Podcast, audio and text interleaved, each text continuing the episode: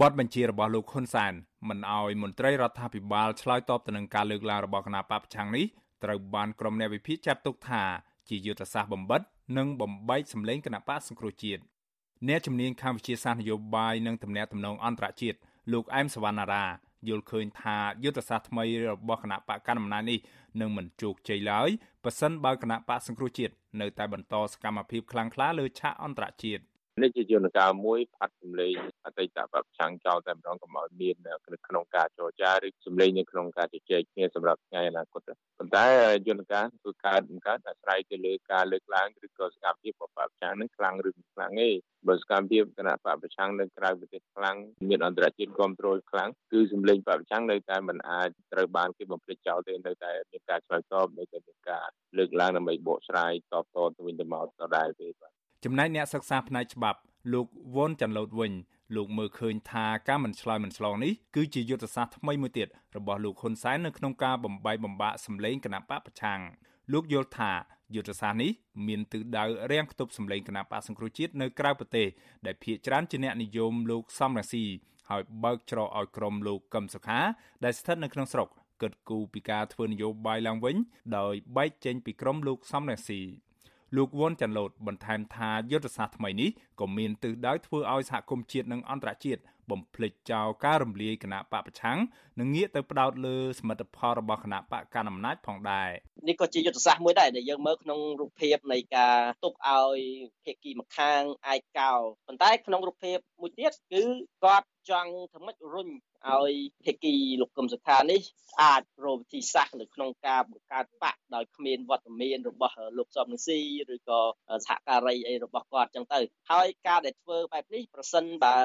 វាបានសម្រាប់ការពួរប្រជែងយើងត្រូវដឹងថាគឺมันអាចឈ្នះគណៈបកប្រជាជនទេលោកហ៊ុនសានថ្លែងនៅក្នុងខ្សែអាចសម្លេងរយៈពេល13នាទីដែលត្រូវបានគេចែកចាយនៅលើបណ្ដាញសង្គមនោះថាការលើកឡើងរបស់ក្រុមអ្នកនយោបាយបកប្រឆាំងនៅក្រៅប្រទេសមិនមានតម្លៃអ្វីដែលមន្ត្រីរដ្ឋាភិបាលឬប្រព័ន្ធឃោសនាគ្រប់គ្រងរដ្ឋាភិបាលត្រូវយកមកបកស្រាយឬជជែកវែកញែកនោះឡើយ លោកបញ្ជាមន្ត្រីរបស់លោកឲ្យងាកមកផ្ដោតលើរឿងអភិវឌ្ឍសេដ្ឋកិច្ចសង្គមការកាត់បន្ថយភាពក្រីក្រ ការពង្រឹងសន្តិភាព និងស្ថិរភាពនយោបាយការប្រយុទ្ធនឹងជំងឺ Covid-19 និងការកែតម្រង់របស់រដ្ឋាភិបាលវិញសូមគំតមាត់តកជាមួយនឹងពួកប្រឆាំងមិនថាឯងជាតេណាថ្នាក់ណាទេណែឯងជាថ្នាក់ណាទេហើយជាបចោតាមចិត្តនៅក្រៅផ្ទះឆ្កែពុះពីក្រៅលបងផ្ទះ มันគួរយើងពុះស្រែកដេញពីក្នុងផ្ទះទៅវិញទេព្រោះពួកនេះគ្មានតម្លៃសម្រាប់យើងណាមិននឹងនិយាយទេអញ្ចឹងទេបើយើងយកមកនិយាយប្រៀបដូចជាយើងនាំគ្នាឃោសនាឲ្យពួកនេះឮឈ្មោះទៅវិញទេ តាមការពិតលោកហ៊ុនសែនធ្លាប់បានប្រកាសជាច្រើនដងរួចមកហើយថាលោកនឹងឈប់ឆ្លើយឆ្លងជាមួយមេដឹកនាំគណៈបកប្រឆាំងជាពិសេសលោកសំរងស៊ី ក៏ប៉ុន្តែលោកតែងតែលេបសម្ដីម្ដងហើយម្ដងទៀតដោយឆ្លើយឆ្លងជាប្រយោលឬឆ្លើយចំដោយផ្ទាល់នៅពេលដែលប្រធានស្ដីទីគណៈបកប្រឆាំងរូបនេះថ្លែងសារនយោបាយចាក់ចំចំណុចរសើបរបស់លោករបបលោកហ៊ុនសែនបានរំលាយចោលគណៈបកសង្គ្រោះជាតិដែលមានអ្នកគាំទ្រចិត្តពាក់កណ្ដាលប្រទេសកាលពីចុងឆ្នាំ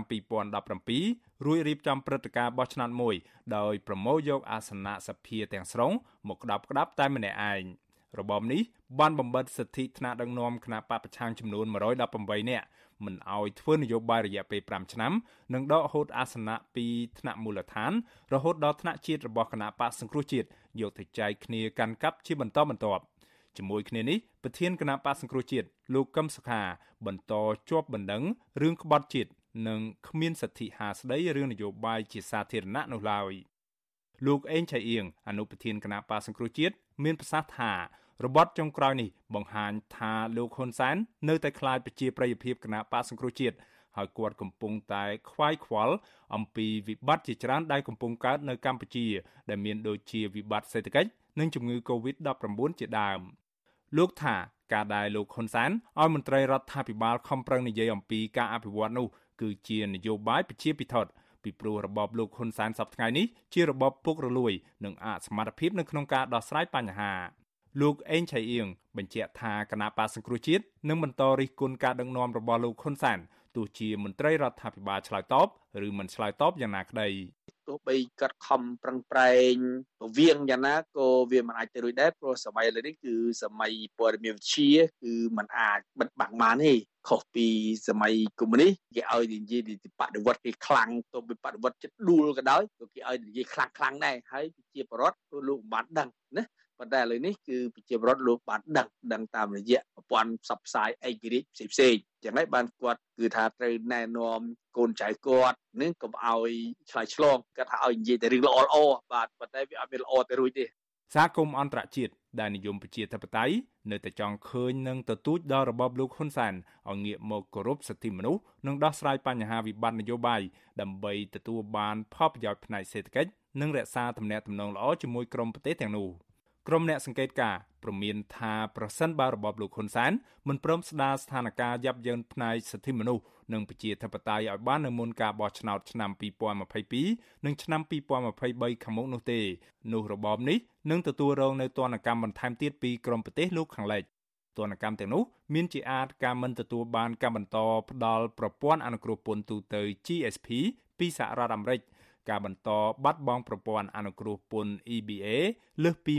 20%ព្រមទាំងទណ្ឌកម្មជាក់លាក់លើមន្ត្រីរដ្ឋាភិបាល ជាលក្ខណៈបុគ្គលក្រមច្បាប់ Global Magnitsky Act របស់សហរដ្ឋអាមេរិកនិងបញ្ញត្តិថ្មីរបស់សហភាពអឺរ៉ុបប្រឆាំងនឹងក្រុមជនរំលោភសិទ្ធិមនុស្សធ្ងន់ធ្ងរជាដើមខ្ញុំបាទមេរិតអាស៊ីសេរីរាយការណ៍ពីរដ្ឋធានី Washington